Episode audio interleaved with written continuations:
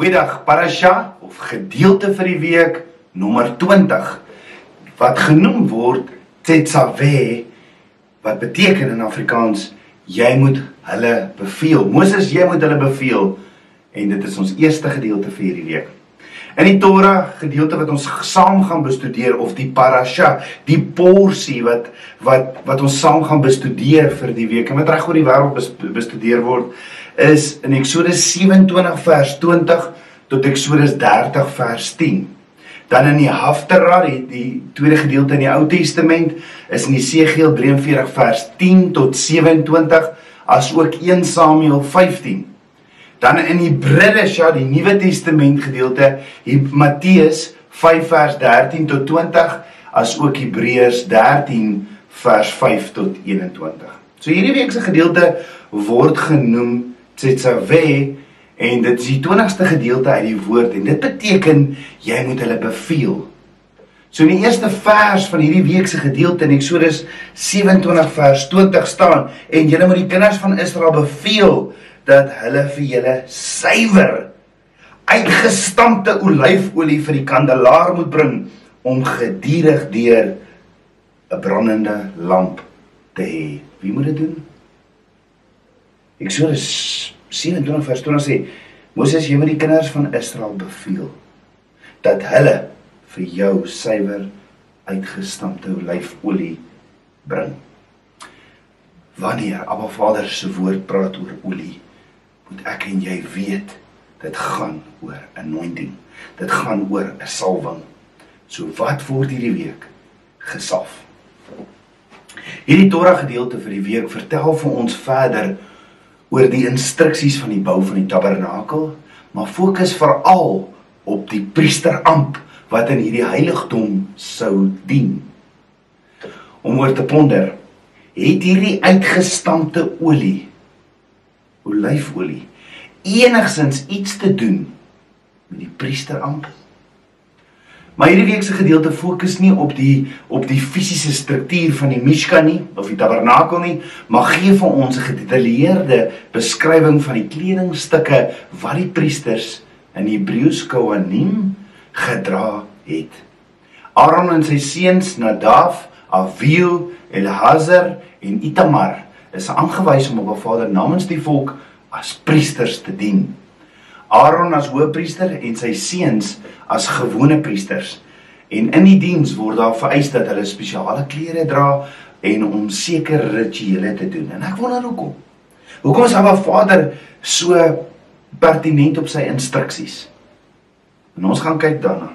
So die Israeliete word beveel om spesiale klere vir Aaron en sy seuns te maak ook om te dra terwyl hulle hulle priesterwerk doen.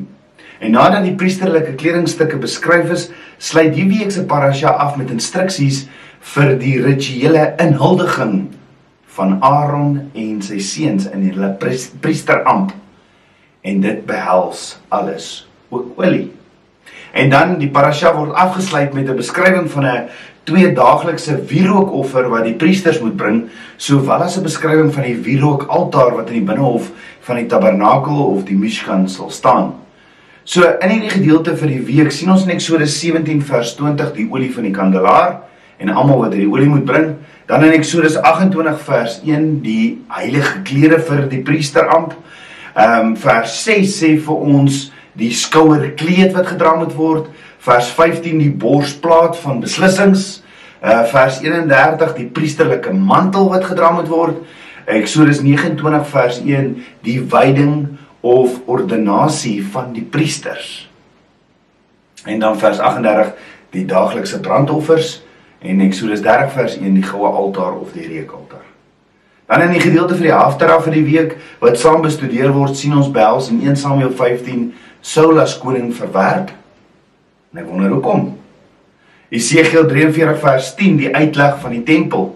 Dan die gedeelte vir die Bridesha vir die week wat saam bestudeer word, sien ons behels in Matteus 5 vers 13 tot 20 die sout vir die aarde en die lig vir die wêreld en dan Hebreërs 13 vers 5 tot 21 deur Yeshua laat ons onophoudelike offer van lof vir hom vir Abba Vader bring.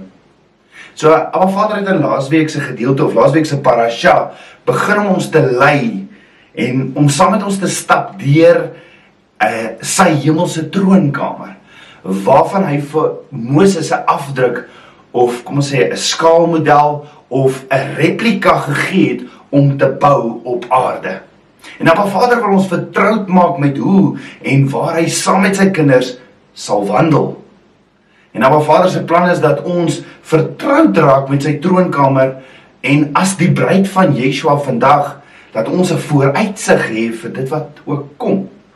Dan staan in Openbaring 22 vers 17, die Gees en die bruid sê kom Yeshua kom.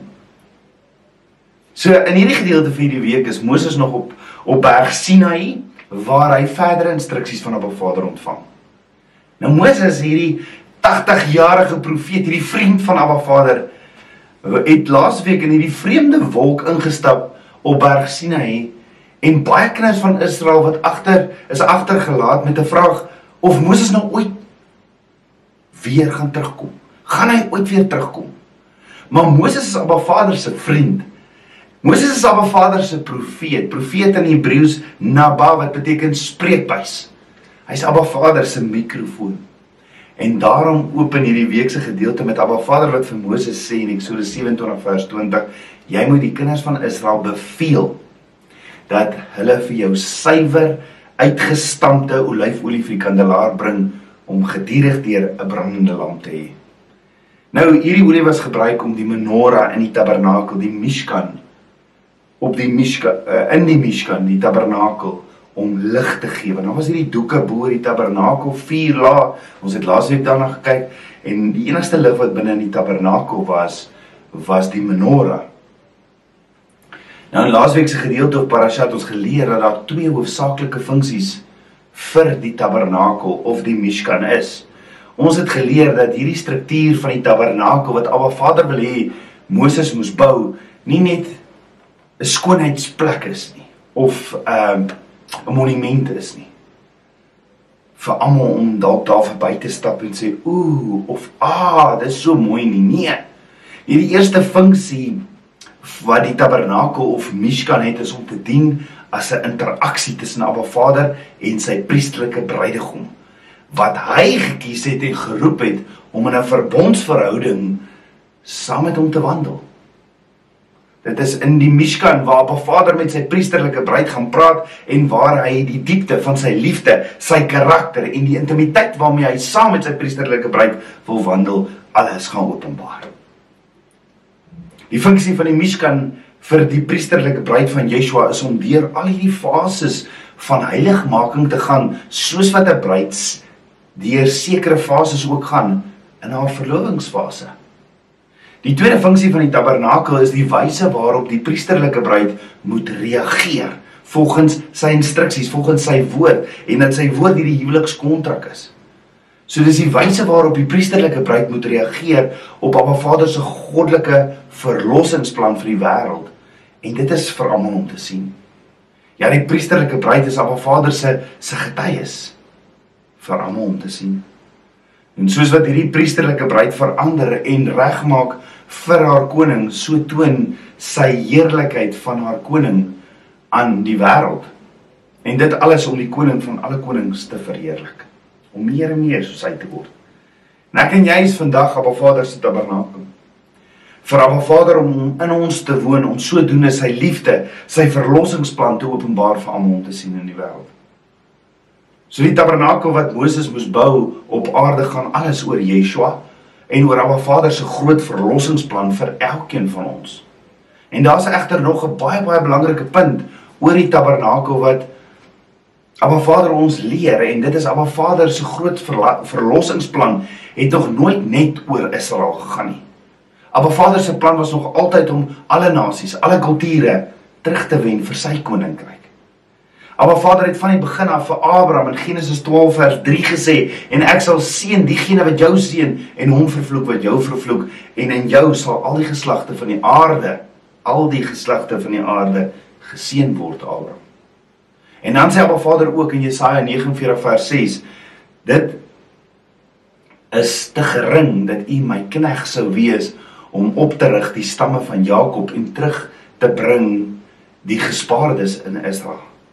Ek het u gemaak tot 'n lig van die nasie om heil te wees tot aan die einde van die aarde.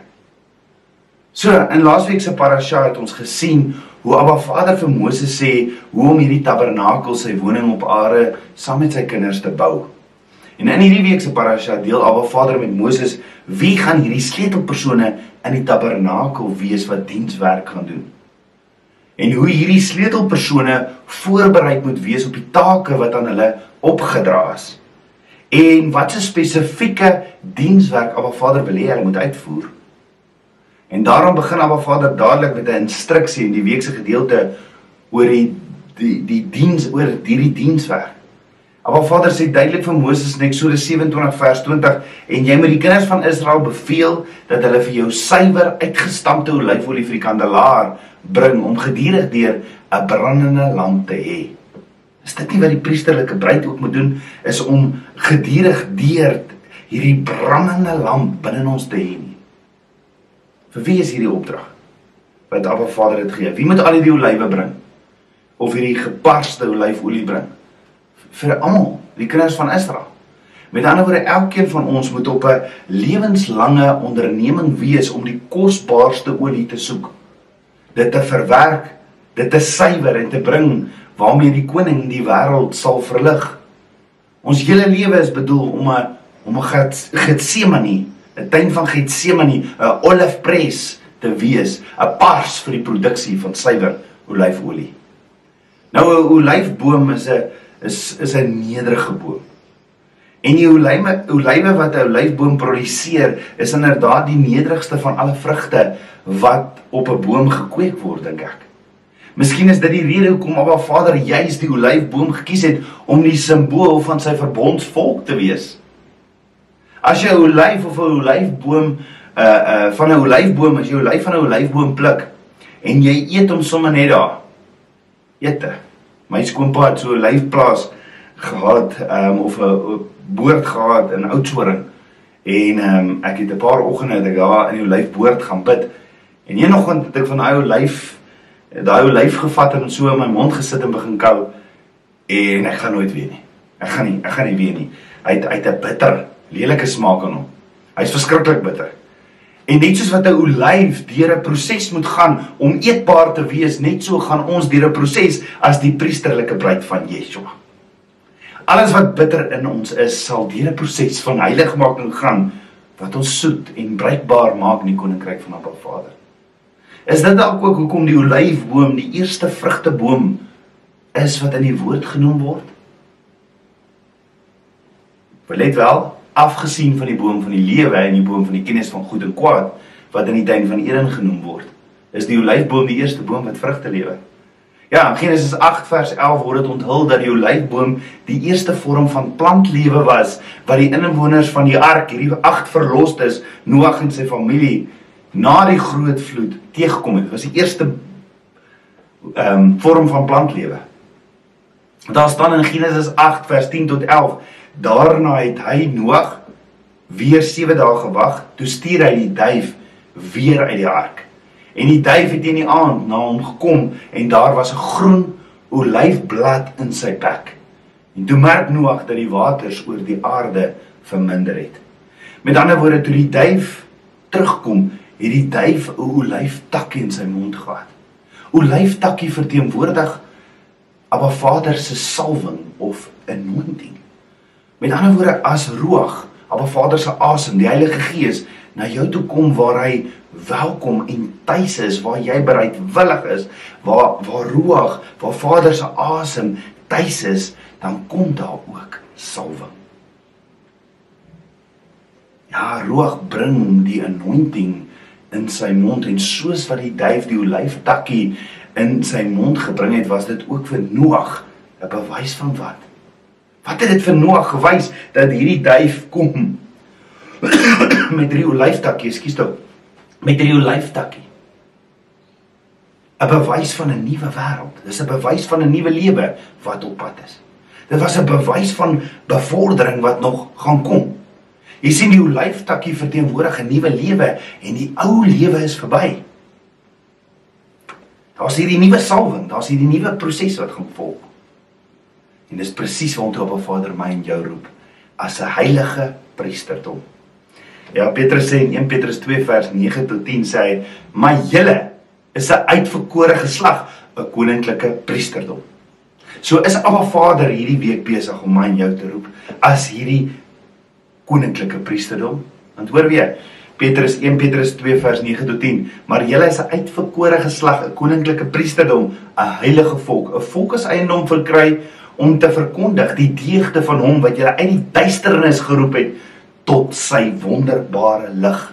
Julle wat vroeër geen volk was nie, maar nou die volk van Abba Vader is, aan wie toe geen barmhartigheid bewys is nie, maar nou wel bewys is. So hierdie olyftakkie was 'n verdere bewys vir Noag dat die storm verby is. Daar is iets nuuts, 'n nuwe droom vir hom daar buite. Hoor gou-gou.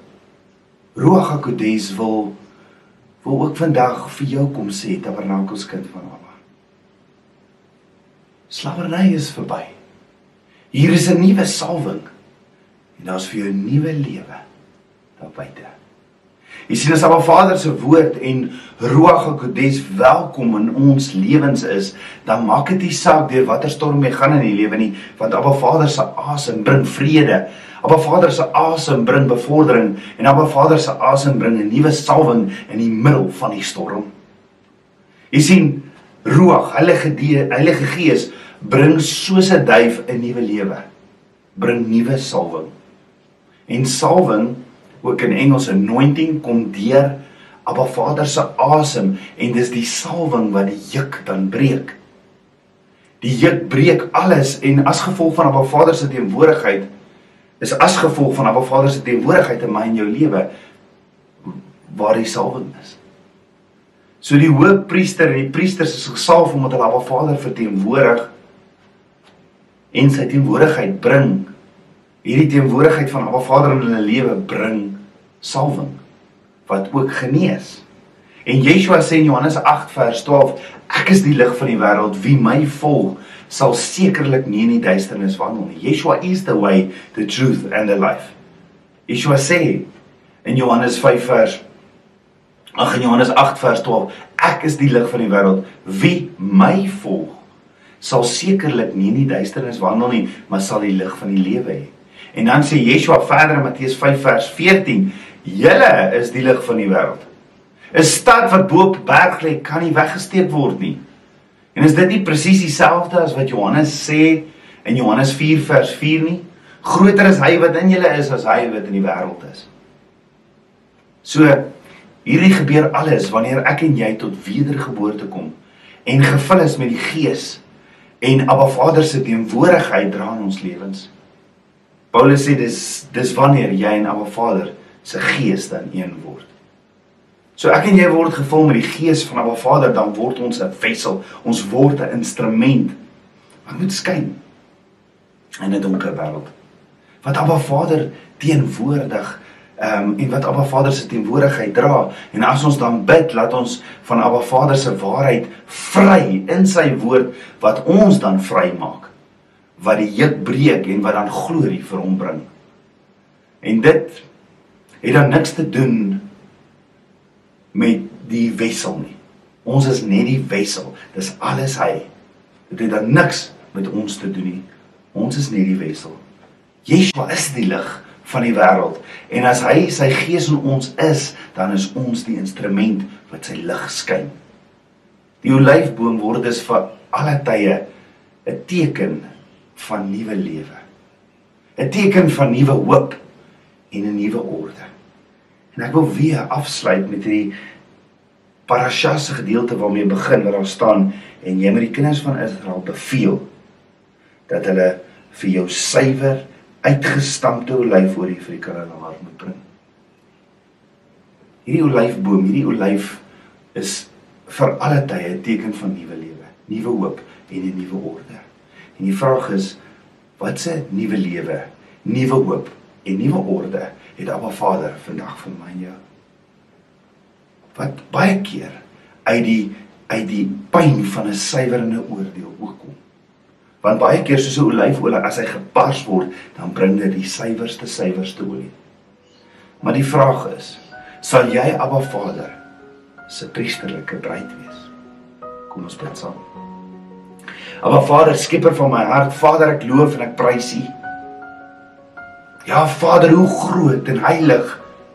Kadosh, kadosh, kadosh, heilig, heilig, heilig is U. Abba, kom was my oor en oor. Leer my net U waarheid, Abba.